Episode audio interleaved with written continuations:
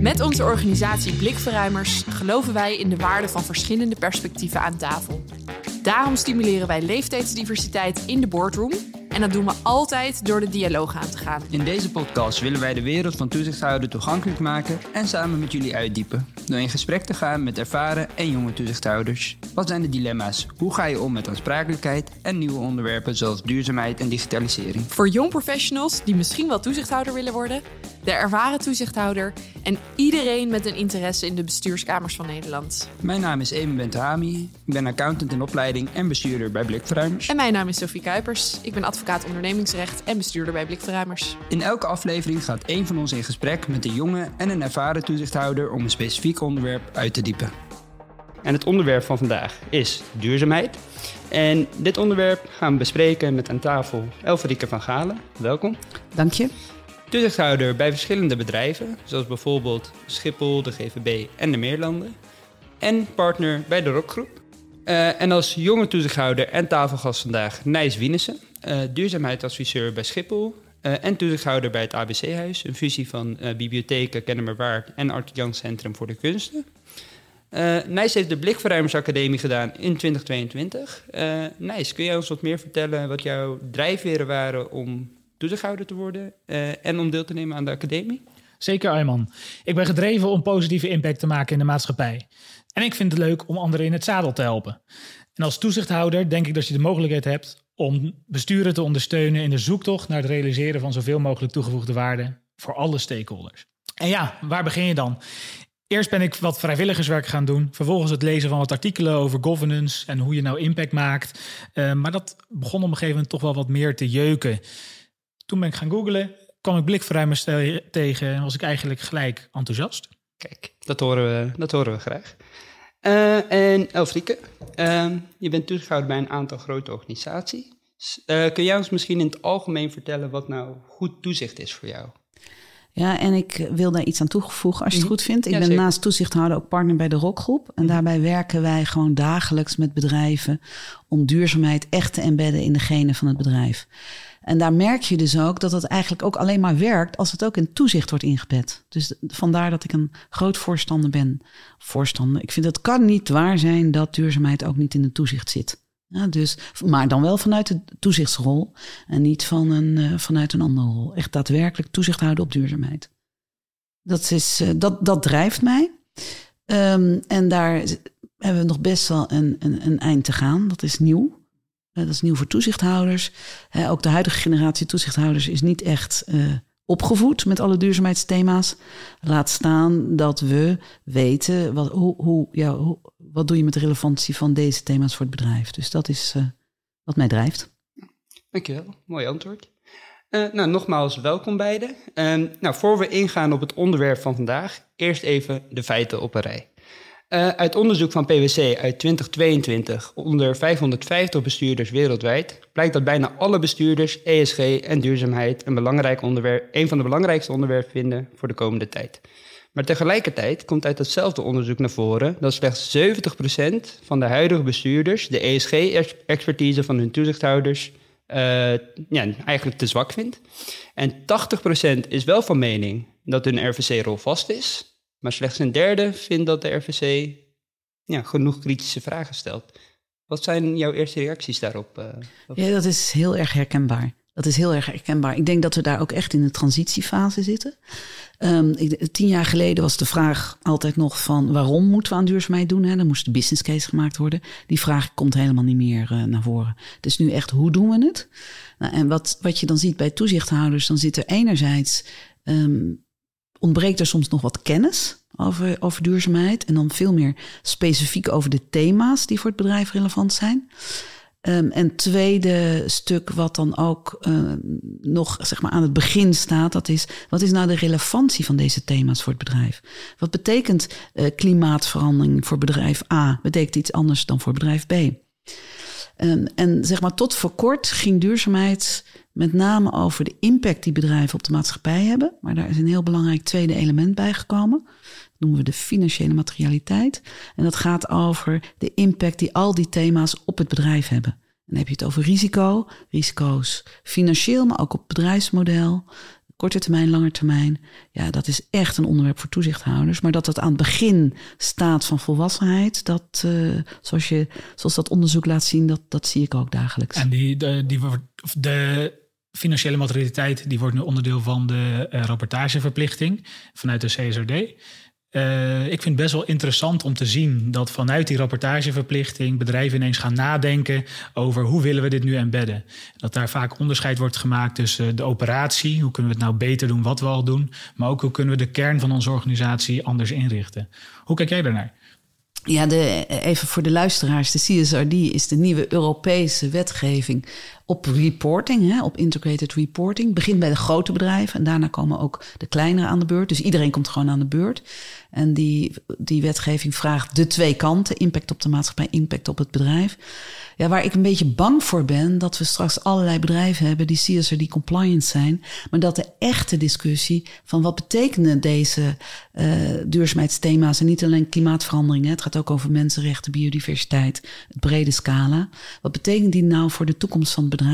Dat die discussie nog niet wordt gevoerd. Dus ik denk dat wij daar als toezichthouders echt een rol hebben om daarvoor te pushen. Hoe zie jij dat? Dat, dat denk ik ook.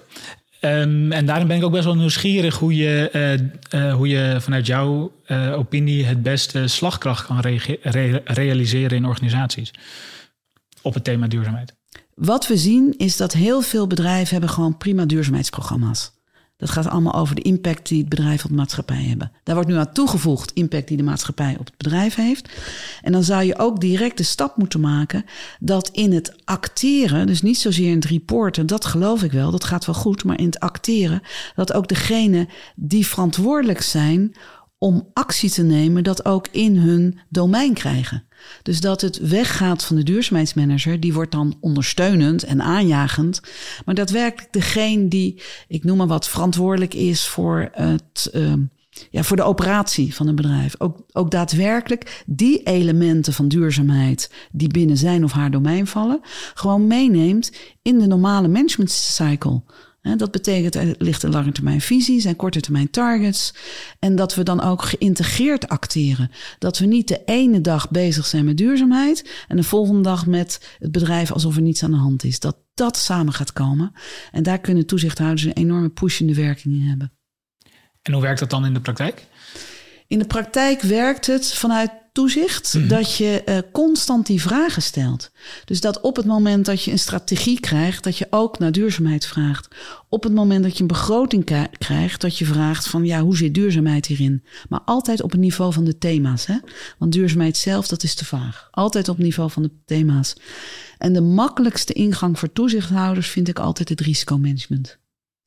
He, dus de meeste bedrijven hebben risicomanagement. Uh, vaak wordt het in de auditcommittee besproken.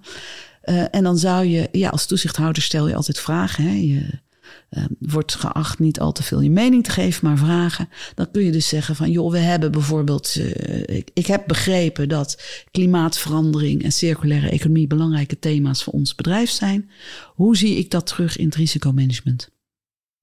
En dus dat je hem echt koppelt aan wat er is. Dat is één. En dat je ook wel, vind ik, um, begrip hebt dat de kennis daar nog niet vaak is in bedrijven. Dan zeggen ze, oh ja, zo hebben we het nog nooit bekeken dat je het zo zou moeten aanpakken. Klinkt logisch. En hoe zouden we die kennis kunnen vergroten? Door dit soort podcast, door de opleidingen die, die jullie doen, door uh, um, eindeloos met toezichthouders te spreken. Ik denk dat alle toezichthouders die ik ken, ja, die zijn niet gek, die lezen ook de krant, die zien ook dat de wereld op onderdeling brand staat. Mhm. Maar het bruggetje om dat te gaan toepassen voor hun uh, bedrijf waar ze toezicht houden.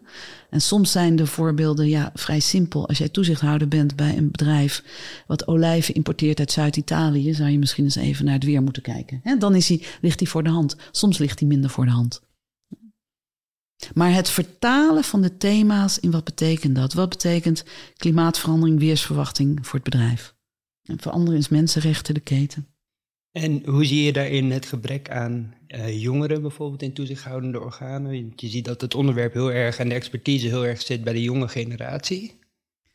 Ja, jonge generatie heeft dit één, denk ik, een grotere belangstelling voor. Het is ook hun toekomst, laten we dat vooral niet vergeten. Twee, uh, hebben ze vaak gewoon meer kennis, omdat het veel meer onderdeel is geweest van het curriculum op, uh, op opleidingen. Uh, drie, verdiepen ze zich er ook meer in. Nou, dus op het moment dat je ook jongeren als toezichthouder krijgt, denk ik ook dat je dit onderwerp veel meer op tafel krijgt. Maar ik vind wel dat we daar niet op kunnen wachten. Dus ik roep ook alle jongeren op als ze toezichthouders kennen om die te pushen voor dit thema en de vragen te stellen. Uh, en uh, jongeren zijn natuurlijk ook medewerkers in bedrijven. Hè? En een, een, goede RVC spreekt zo nu en dan ook met medewerkers of bijvoorbeeld met de ondernemingsraad. Dus uh, jongeren kunnen ook als medewerker van een bedrijf de, hun commissarissen of toezichthouders een keer bevragen. Wat doet u eraan? Hoe doet u dat? Wat is de meest prikkelende vraag die jij ooit hebt gekregen? Op dit gebied? Ja. Um, nou, de, de vraag, wat doen jullie eigenlijk? Dat was de eerste vraag. Tweede vraag, zijn jullie niet te oud om hier überhaupt een, uh, een uh, toezicht te kunnen houden op ons bedrijf? Ik zal het bedrijf niet noemen. Um, en zij hadden, dat was heel grappig, wij dat was een bedrijf met een, een jongerenorganisatie. En zij hadden dus allemaal jongeren uit dat bedrijf geïnterviewd. En dat hadden ze in een uh, clip gezet. Dus die jongeren hadden gezegd, wat commissarissen, wat doen die eigenlijk? Dat zijn toch oude mannen? Uh, wat weten ze nou van ons? Hoe kunnen ze wat van ons weten als ze hier maar zes keer per jaar krijgen? Dus dat was een goede spiegel om, uh, om toch te proberen uit te leggen dat je wel iets van het bedrijf weet. En dat je vanuit je rol toch iets kan zeggen. En wat heb je daaruit meegenomen naar andere toezichthoudende rollen? Dat het belangrijk is om met jongere organisaties van de organisatie te spreken. Hè? Als, als toezichthouder, ja, de tijd dat je alleen de papieren las is natuurlijk voorbij. Ja, dus je moet ook actief, of je moet, je wilt ook actief op zoek naar wat speelt er nou echt. En dan is zo'n jongerenpanel een, een ongelooflijk inspirerende ontmoeting, ook voor ons. Kan ik me goed voorstellen. En we hadden het eerder in deze podcast over de nieuwe regels die eraan komen. CSRD werd kort genoemd. En je had het over integrated uh, acting. Um, maar met alle nieuwe wet en regelgeving die eraan zit te komen, hoe zorg je er als um, RVC of als commissaris nou voor dat het niet alleen het voldoen aan regeltjes wordt, dus de compliance druk, maar dat je ook echt uh, impact kan maken zonder op de stoel van de bestuurder te gaan zitten? Hoe, hoe borg je die rolvastheid? Ja, dat is een hele belangrijke vraag.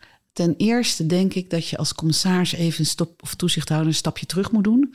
En ook zou moeten willen begrijpen wat is het doel van deze regelgeving. En vanuit dat perspectief de dialoog met de directie aangaan, met de bestuurder. En uh, er komt inderdaad een tsunami van regelgeving over ons heen. Hè?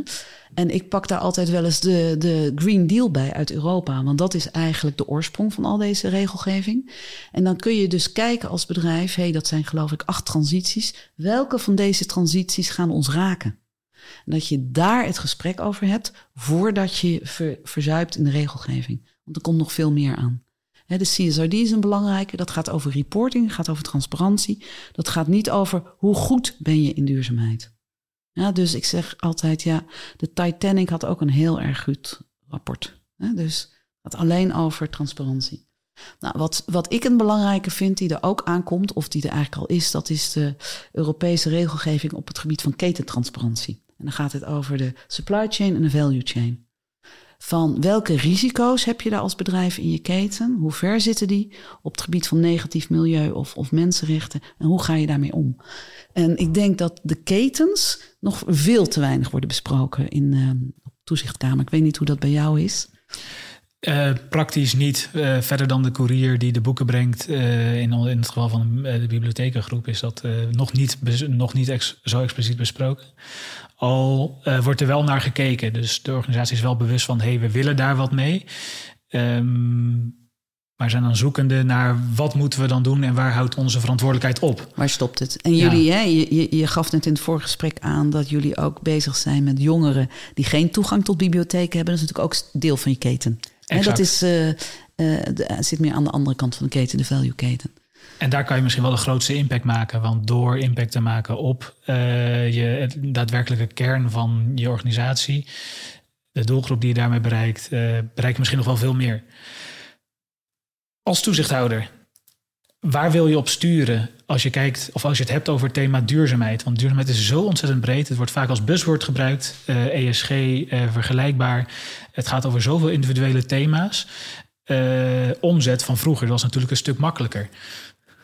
Ja, maar ook eh, vergeet niet, hè, uh, bij omzet zijn er ook wel 50 verschillende financiële KPI's. Hè, maar in ieder geval dan begrijpen we als toezichthouder wat over gaat. Wat hier het allerbelangrijkste is, denk ik, stap 1 is voor de toezichthouders om te begrijpen wat zijn de inhoudelijke thema's voor het bedrijf. En de CSRD noemt dat topics. Daar begint het mee. Want uh, je kan niet alles aanpakken, je moet ook niet alles aanpakken. Dus waar heb je impact op en wat heeft impact op jou? Dat is stap 1. Dan vervolgens is de tweede vraag: wat wil het bedrijf? En dat is nogmaals niet aan de toezichthouder, hè? maar dat is de vraag aan de bestuurder. Wat wil het bedrijf met deze thema's? Het kan best zijn dat je op één thema echt een frontrunner wil zijn. Dat je op een ander thema zegt van nou, ik volg de sector of ik ben compliant, dat is ook voldoende. Dus het hoeft niet zo te zijn dat je op al die thema's heel erg ambitieus bent. Dat is de keuze van het bedrijf. En ook waar dwingt de buitenwereld je toe? En waar staat het bedrijf in haar strategie? Nou, dan is het volgende, denk ik, dat belangrijk is. Een nieuwe strategie of een update van de strategie wordt altijd met de uh, toezichthouders besproken. Dan zit je echt aan de voorkant. Dan zit je wat ik dan integrated thinking noem. Zorg dat je op het moment dat de strategie op tafel komt, dat je echt ziet dat die thema's daarin zijn verankerd, inclusief het ambitieniveau. Inclusief wat betekent dat dan strategie? En voor de strategie en niet als wormvormig aanhangsel. Want dit is onze businessstrategie en daarnaast houden we ook ons bezig met. En dus dat is kant één. Nou, dan de volgende stap is natuurlijk aan de reporting. Je ziet wel wat ermee gebeurt. Uh, en daartussen zit de acting, het doen. Dus um, ik adviseer toezichthouders, ik probeer het zelf ook, om daarnaar te vragen. Want dan moet je dilemma's afwegen. Dan moet je de dilemma's afwegen tussen korte en lange termijn, tussen duurzaamheidsthema's en ambities en soms ook je financiële ambities. Of uh, in het geval van Schiphol het uh, belang van de omgeving. Daar vindt die belangenafweging plaats. En dan zie je dus ook of uh, door die vragen te stellen, dan kun je dus ook horen of zeg maar het bestuur dat allemaal tegelijk meeneemt. Dus als jij, ehm, wat men vaak denkt, ik heb twee keer de portefeuille duurzaamheid, dat ik dan altijd voor duurzaamheid kies. Maar als commissaris, maar dat is helemaal niet het geval. Waar ik voor sta, is dat we duurzaamheid meenemen in alle afwegingen. En dat kan best zijn dat we soms een niet duurzame keuze maken, omdat andere belangen uh, prevaleren, maar dat we wel bewust met elkaar die keuze maken. En dan is voor mij ook geen besluit inmiddels ook een besluit. Niets doen zou ook een besluit moeten zijn. Duidelijk. En als je dan een besluit probeert te maken, uh, vanuit de financiële achtergrond kiezen we vaak voor een rationele aanpak. Uh, het kwantificeren van duurzaamheidsambities of duurzaamheidsthema's is soms nog best wel ingewikkeld. Het gaat op aannames uh, en naarmate de jaren vorderen zullen we steeds betere data krijgen. Of verwacht ik in ieder geval. Wanneer is een aanname voldoende om uh, het echt een prioriteit over een financieel, financieel, financiële prioriteit te geven? Ja, je kan twee paden bewandelen. Hè. Je kan dus het eh, pad bewandelen om alles te monetariseren en daar inzicht in te krijgen. Dat is zeker een goed pad, raad ik ook iedereen aan. Maar er is ook nog zoiets, eh, een pad, en ik noem dat maar even het pad van het morele kompas. Ja, van als we moeten wachten totdat alles uh, is uitgerekend, je hoort het aan mijn stem, kan er enorm kwaad over worden, dan, dan valt er niets meer te doen, laten we het zo zeggen. Dus het zijn die twee paden parallel. En um, we hebben niet als toezichthouder, maar als adviseur met een organisatie gewerkt die echt alles in investeringsbeslissingen mee wilde nemen. Hebben we gekeken of het konden kwantificeren, een economisch model. Dat kon tot, tot op zekere hoogte. Maar als je de cases aan het, de groep voorlegde, zeer ervaren mensen in hun eigen business, kozen ze op intuïtie ook de juiste dingen. Dus um, ik, ja, ik vind uh, rekenen moet, maar niet alleen. En wat denk je dat dat voor hun de, de drijfveer was? Heeft de media daar in het algemeen impact op besluitvorming? Media heeft zeker impact op besluitvorming. Um, niet altijd de juiste impact, vind ik. Want je moet wel zo nu en dan even fact-finding doen van waar zit nou daadwerkelijk de impact. Als je het goed vindt, welke Schiphol voorbeeld uh, noemen. Vandaar moet je natuurlijk ook wel kijken welk type vluchten veroorzaken nou het meeste CO2. Voordat je, met, uh, voordat je zeg maar uh, met de verkeerde acties bezig bent. En dan komen ook zaken naar voren als een stukje systeemdenken. Hè, wat betekent dat in het grotere plaatje? Wat is het stuk wat wij kunnen aanpakken? Hoe passen ook zeker met internationale business, internationale regelgeving, wat voor invloed heeft die? Dus wat zijn nou voor ons de juiste stappen om te doen? Dus rekenen ja, maar niet op wachten. En ook vooral dat moreel kompas. Dus zonder enige rekening uh, gaan we uh, dit gewoon niet of wel doen. En als je kijkt naar de bestuurskamers, hoe wordt dat morele uh, kompas daar aangekaart? Dat zouden we explicieter mogen aankaarten, denk ik. En wat daar voor mij aan vooraf gaat, als je het over duurzaamheid hebt, is het ook wel de vraag aan een ieder waarom men vindt dat het betreffende bedrijf iets, wat dat iets dan ook is, aan duurzaamheid zou moeten doen. En als ik, uh, als, als ik met uh, bestuurders spreek en je vraagt daarnaar, dan is het interessante dat daar toch een heel divers waarom uitkomt. Um, en datzelfde geldt voor commissarissen um, en toezichthouders. En het is denk ik goed om eerst dat waarom expliciet te maken. Want de een zegt van joh, uh, die zit zuiver op het moreel kompas. Het kan toch niet zo zijn dat wij in een wereld leven waar het bedrijven uh, de zaak soms zo verkloten, laat ik het even zo zeggen. De ander die, die heeft het echt over toekomstige generaties. De volgende zegt ja, het moet voor de wetgeving. Dus het is voor je de morele discussie kan hebben, zul je eerst een stapje daarvoor moeten doen en het, het individuele waarom met elkaar moeten uitspreken, maar vooral ook moeten accepteren en respecteren. Want het is, is voor mij niet belangrijk dat iedereen een intrinsieke motivatie heeft voor duurzaamheid. Wat jongeren vraag wel, vaak wel van ons vragen. Voor mij persoonlijk is het belangrijk als het maar opschiet. En I don't care wat de motivatie is. Maar dus die cultuur kun je eigenlijk niet aan de orde stellen als je niet eerst het persoonlijke belief aan de orde stelt. Anders krijg je een hele ingewikkelde discussie. En hoe is jouw drive zo ontstaan? Hoe is mijn drive zo ontstaan? Um, ja, dan ga je heel lang terug. Als puber was ik lid van een, uh, een natuurclub. En dan gingen we in de weekend natuur in om natuur te onderzoeken. Ik ben uh, ooit bij KLM begonnen als zomerstewardess. Heb de wereld gezien. En het ongelofelijke verschil in uh, rijkdom, kansen en armoede. En dat kwam op een gegeven moment samen in duurzaamheid. Dat is denk ik mijn drive. En mijn drive zit er nu in dat ik ja, wel weet wat er gebeurt in bestuurskamers. En denk daar een bijdrage te hebben. Hoe beperkt ook soms. En jij? Mijn drive eh, vergelijkbaar, maar dan als uh, jongertje bij de scouting. Uh, genoten van de natuur en dat eigenlijk mijn hele leven lang meegenomen. Toen in Maleisië, toen ik daar een stage liep in de over de circulaire economie, rond 2016, toen kwam ik achter van hé, hey, dit is best wel vaak niet alleen een business case financieel te realiseren, maar ook op heel veel andere vlakken. vermindering van afval, toename van biodiversiteit en ik kan zo nog wel een aantal voorbeelden noemen. Um, vond ik ontzettend interessant, vond ik heel gaaf. Toen dacht ik van, hé, hey, hier zouden we veel meer mee moeten doen. Waarvoor gebeurt dit nog niet? Hoezo wachten we hiermee? Um, daar ook in die tijd dat ik daar uh, woonde, groot verschil gezien tussen arm en rijk. Um, en vanuit mijn ja, opvoeding altijd meegekregen dat er best wel veel kansongelijkheid is in de wereld. Vanuit daar uh, is mijn drive ooit ontstaan.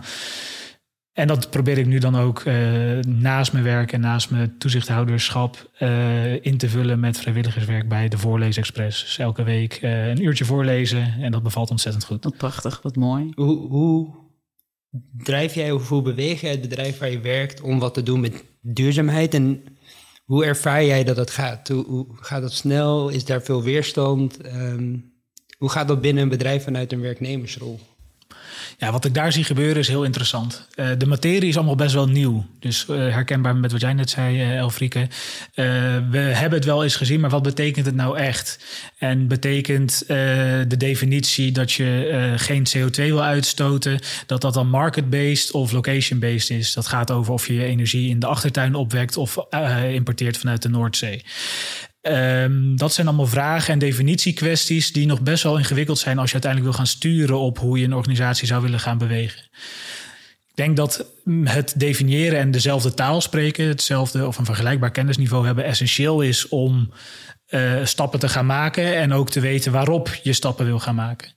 Als je dat met elkaar weet te realiseren, dan denk ik dat de weerstand zal gaan afnemen. Want wat je kent, dat is nu eenmaal makkelijker om te omarmen. Um, en vanuit dat perspectief denk ik dat we gezamenlijk in organisaties kunnen gaan groeien op dit vlak. Mooi dat, dat stukje inderdaad inhoud gewoon. Hè? Van joh, wat is het en wat is nou het, het, het, het beste? En van hoe doen we dat dan? Dat is dan weer de volgende vraag. En dan kom je Mhm. weer andere systeemgrenzen tegen. Ik zou daar wat aan willen aanvullen. Wat wij zien eigenlijk wat echt goed werkt, is eh, hè, nadat je die thema's hebt bepaald en je bent met je plannen bezig, is dat iedereen, ongeacht welke functie, gaat, gaat navragen bij zichzelf: wat betekent duurzaamheid nou in mijn vak? En dat betekent bijvoorbeeld voor de HR-functie dat je gaat kijken, ja, maar welke competenties heb ik eigenlijk nodig als ik mensen aanneem? Um, dat dat betekent, um, hoe pak ik het mee in mijn beoordelingssysteem? Dat dat betekent, um, uh, klopt mijn bonusstructuur wel? Dat is natuurlijk ook trouwens mm-hmm. een onderwerp voor de, voor de RVC. Hè? Zitten er geen tegenstelde prikkels in? En kijk ik naar een financiële afdeling, ja, um, gaan we werken met interne carbon pricing. Nou, en dan zie je, uh, en wat betekent dat voor mijn business cases? En dan zie je dus dat vanuit je eigen vak, dat je daar vanuit je eigen activiteiten er specifieke kennis aan toevoegt. En als iedereen dat doet, dan zie ik wel de bedrijven te gaan vliegen. Ja, dus dat is nog een, uh, een aanvulling eigenlijk op, uh, op jouw punt. En ik denk dat te weinig mensen zich realiseren, want heel veel mensen willen in duurzaamheid werken. Maar dat kan ook vandaag de dag in je eigen vak, vanuit je eigen activiteiten. En als we die beweging nou op gang zouden kunnen krijgen, hoop ik dat het allemaal een stuk sneller gaat. Kijk, dat is een hele mooie, hele mooie oproep. En um, als we misschien wat breder vanuit de uh, markt geredeneerd, als we kijken naar de CSRD, dan gaat het met name om het beursbedrijf. Maar Nederland bestaat ook voor een heel groot deel uit het MKB.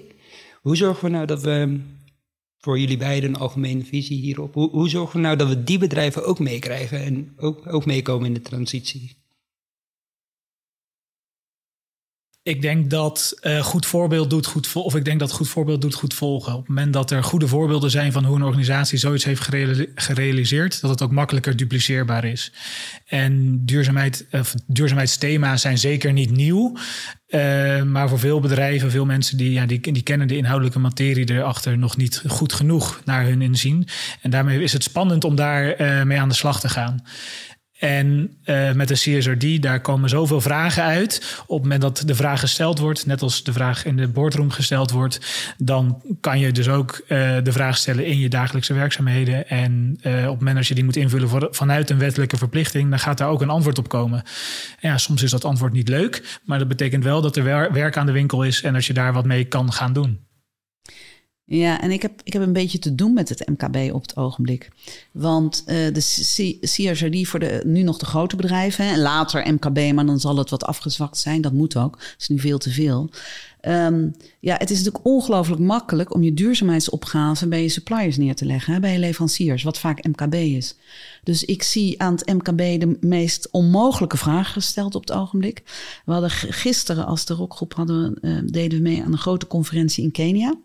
Um, daar hebben we het ook gehad over de CSRD. Want daar zitten ondernemers die exporteren naar Europa. Dus wat is er in Europa aan de hand en wat voor gevolg heeft dat voor onze markten?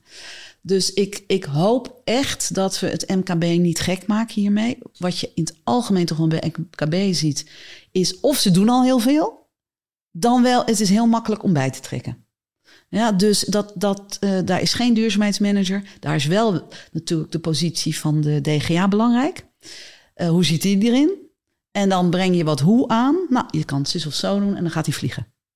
Dus dat is. Um, uh, ja, dus ik, ik, um, ik sprak met uh, de, de MKB-brancheorganisaties, zou daar ook een grotere rol in kunnen spelen. het MKB hoeft niet allemaal volgens de CSRD een dubbele materialiteitsanalyse te doen. Dat kun je gewoon per brancheorganisatie doen. En dan kan iedereen dat kopiëren, een beetje aanpassen voor zichzelf. Dit zijn de thema's die ze vaak intuïtief ook wel weten. Als je, uh, wij hadden, uh, wij dus niet als toezichthouder, maar als adviseur, bijvoorbeeld met een grote sushi-keten. Ja, als je daar binnenkomt en je ziet plastic opgesteld tot het plafond, dan weet je zo wat de thema's zijn. Dus dat is niet zo ingewikkeld. En die zijn natuurlijk veel creatiever.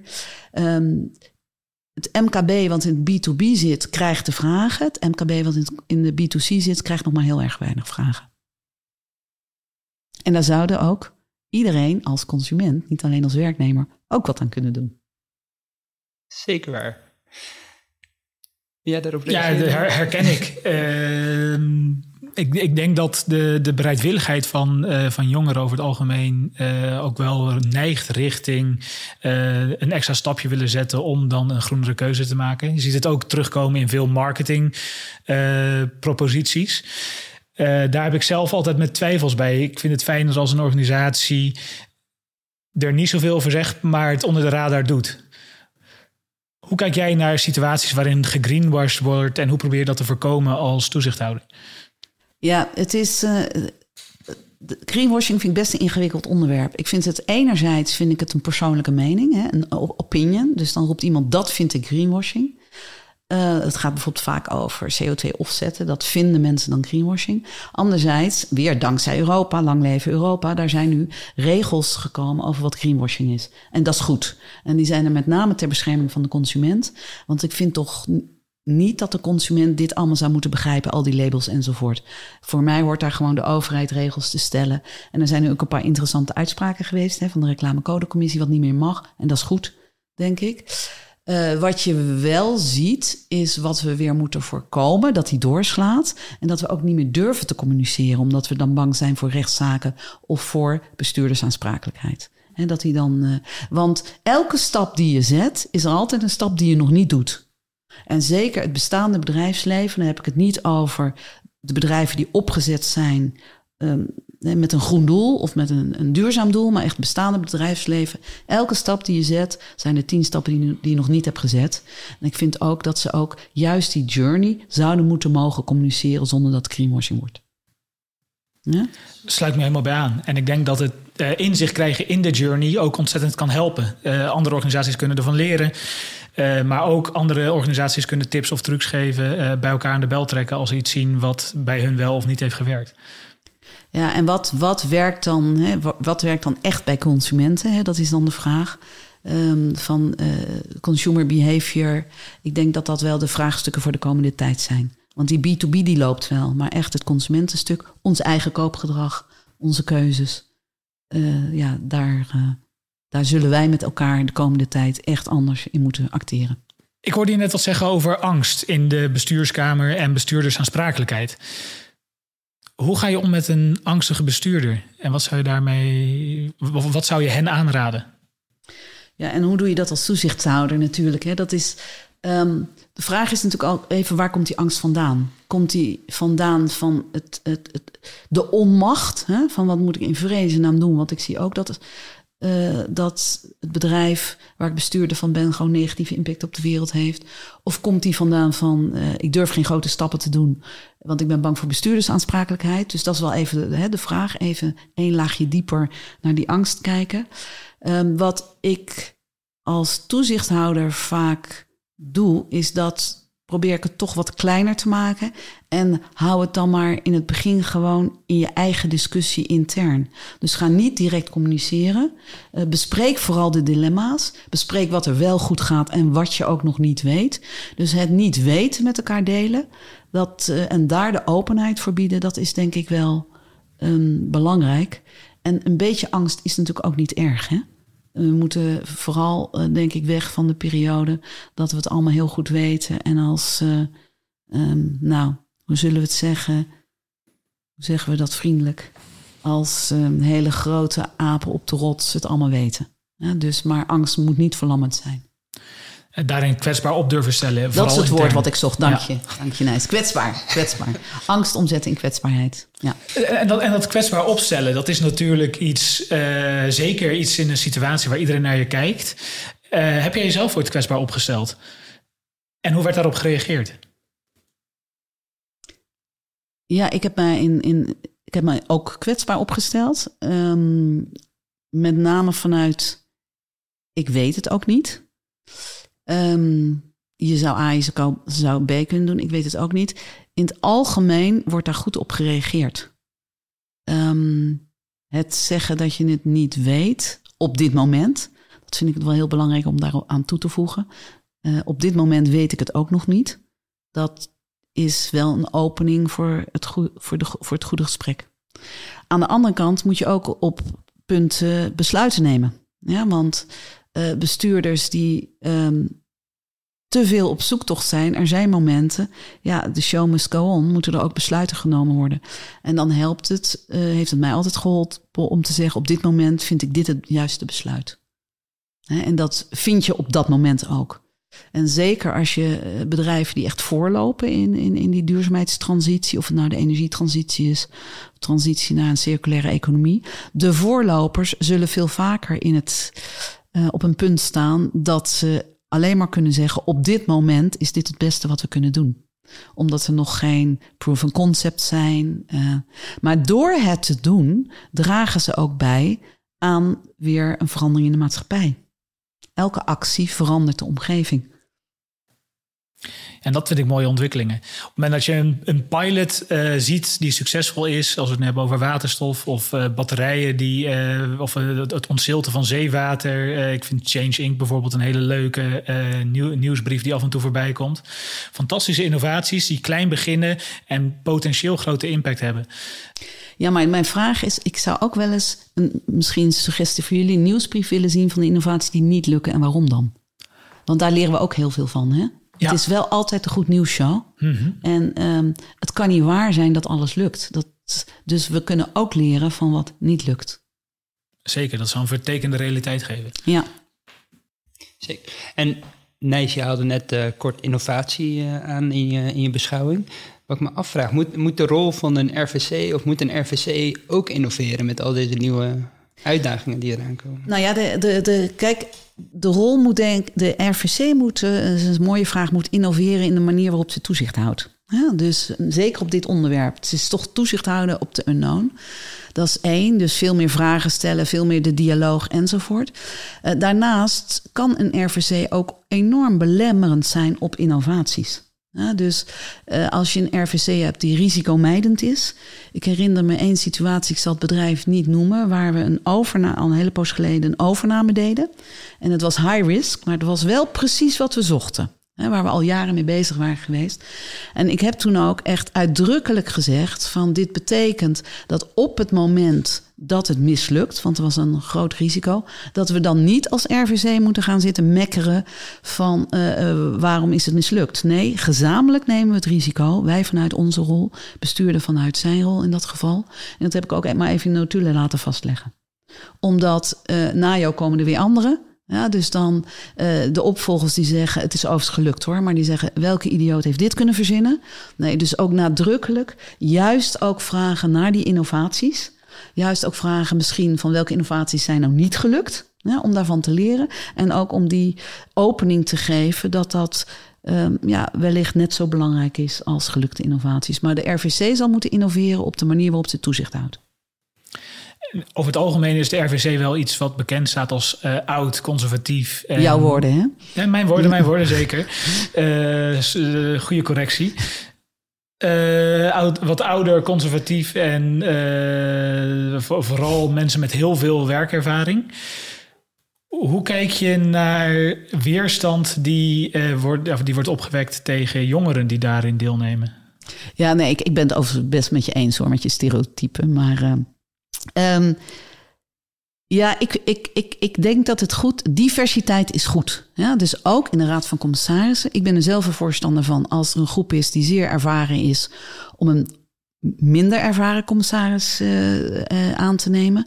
En of die dan jong of oud is, maakt mij niet zoveel uit. Maar dan gaat over ervaren of minder ervaren. Ik ben er zelfs een voorstander van, dat gaat nog een stapje verder. Om op den duur ook, en er zijn ook experimenten mee, misschien de aarde een plaats aan de, of de natuur aan de bestuurstafel te geven.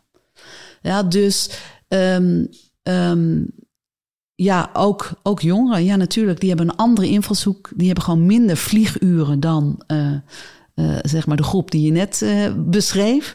Uh, maar dat zijn wel andere vlieguren die ook heel erg belangrijk zijn. En dan niet alleen genderdiversiteit, um, oud-jong, maar wellicht ook de natuur. Mooi. En in, in welke vorm zie je dat voor je? De natuur een plekje aan de bestuurstafel? Is dat in de vorm van milieuorganisaties? Of? Nou, dit is allemaal vrij nieuw, dit denken. Hè? En er is één bedrijf in Engeland wat dat nu heeft. Um, en het komt eigenlijk voort, deze gedachte, ook vanuit een zoektocht. Hè. We zijn al zo ongelooflijk lang met dit onderwerp bezig. Hè. We als society, misschien niet elke individu. hoe komt het nou dat het niet opschiet? Er zijn zoveel technische. eh, ik denk dat technisch alles mogelijk is. Maar zit er iets dieper in onze samenleving waardoor het niet opschiet, in mijn opinie? Dus we zijn op zoek gegaan. Misschien ligt dat wel in de relatie die we hebben tot de natuur, waarbij we ons eruit gezet hebben en erboven hebben geplaatst. En vanuit dat wereldbeeld ook in bedrijven werken, met bedrijven werken en toezicht houden. En wat betekent nou het wereldbeeld als je onderdeel van de natuur zou zijn voor je toezicht en voor bedrijven? Nou, wij zijn, maar dat is even als de rockgroep, met één bedrijf bezig. Wat betekent de natuur als stakeholder? En door zo te gaan denken, kom je toch wel op een ander pad. Dus vandaar dat ik ehm, pleit naast jongeren. eh, ik zal die echt niet overslaan hoor, maar zeker niet voor blikverruimers. Groot voorstander, maar ook voor natuur eh, aan tafel. En de VN heeft daar ook wel een leuke invulling van gehad. Die hebben, geven zeven lege stoelen voor de zeven komende generaties aan de voor, ja. op de eerste rij van het publiek. Ehm, en wat ik ook wel een interessant, of mijn eigen observatie, we hebben er een paar honderd jaar over gedaan om alles wat we nu hebben gerealiseerd eh, te optimaliseren. En De afgelopen 150 jaar om de nabij eh, ging dat allemaal over het optimaliseren en het efficiënte inrichten van gebruik van fossiele brandstoffen. Als ik nu kijk naar wat we in vijf jaar tijd proberen te realiseren met zoveel meer elementen, met zoveel meer technische innovaties, op zoveel meer thema's. Echt best wel behoorlijke klus die we aangaan. Maar wel een hele leuke, denk ik. Hij moet. Hij moet. En moeten we ook nog zeg maar niet dat, dat, dat ehm, daaraan toevoegen. Hoe verhouden we ons tot de samenleving en de natuur? En welke plaats nemen we als mens in? Dat is eh, wat ik er graag aan zou willen toevoegen. Ehm, voor jullie beiden, denken jullie dat het mogelijk is in het huidige systeem, eh, in het huidige recht, waar, je toch ziet dat het financieel belang best wel een prominente rol heeft, om daar het niet-financiële echt in te krijgen? Want het is een beetje geëmbed in alles wat we doen, in alles wat we hebben. Eh, hoe, hoe, hoe kijk jij daarop, uh, er tegenop, Nijs? Ik denk dat het geen kwestie is van kunnen of moeten. Ik denk dat we het moeten willen. En ik denk dat als we vanuit dat perspectief uh, een nieuwe balans weten aan te brengen in de systemen die nu staan, uh, dat we dan hele mooie stappen maken. En dat zal echt niet vanzelf gaan. Uh, en daarbij gaan we fouten maken. daarbij gaan we keuzes maken die misschien positiever of negatiever uitvallen dan we van tevoren verwachten. Ik denk wel dat we uh, daarin, waar we het eerder over hadden, kwetsbaar moeten zijn. En ook moeten zeggen, op, met de kennis die we nu hebben, hebben we de juiste keuze gemaakt. En met de kennis van morgen zou die keuze zomaar anders uit kunnen vallen. Dat stukje zelfreflectie is denk ik essentieel om zo'n systeemverandering te realiseren. Uh, want we hebben al heel veel mooie dingen bereikt. En ik denk dat we de komende jaren nog zeker heel veel mooie dingen gaan bereiken. Prachtig, ik sluit me daar helemaal bij aan. Hè? Maar, en er is ook moed voor nodig. En ik geloof ook wel in als, als iedereen zeg maar steentjes vanuit eigen perspectief tegen die ruit gooit. Of dat nou zeg maar uh, overheden zijn, bedrijven, wij als consumenten, als burgers. Dan op een gegeven moment moet die ruit toch barsten. En dan staat er een totaal nieuw systeem. Maar we moeten wel opschieten. Nou, ik denk dat we een mooi dialoog hebben gehad. En uh, nou, we hebben het veel gehad over duurzaamheid, wat er moet veranderen, uh, maar ook wat er al gebeurt. Uh, wat nemen jullie nou hieruit mee naar jullie volgende RVC-vergadering? Ik ben best wel, best wel nieuwsgierig naar wat er niet. Ik ben best wel nieuwsgierig naar wat er niet is gelukt. Uh, we horen vaak wat er wel is gelukt, wat de succesverhalen zijn. Uh, maar een keer inzoomen op wat we hebben geleerd van de dingen die niet zijn gelukt. Ja, dat mag best wel onder de aandacht komen. Ja, wat ik vond het heel inspirerend, waarvoor dank. Ik neem mee dat ik toch op al mijn RVC-vergaderingen weer even ga kijken of er ook een jongere groepering is in dat bedrijf. En daar wil ik dan ook weer contact mee maken. Mooi. Dan sluiten we hiermee de podcast af. Uh, jullie allemaal bedankt voor het luisteren. En er komen nog meer uh, uh, series aan in deze podcastreeks. De volgende afleveringen zullen we het bijvoorbeeld gaan hebben over cybersecurity en toezicht houden in onzekere tijden. Dus we hopen jullie terug te zien.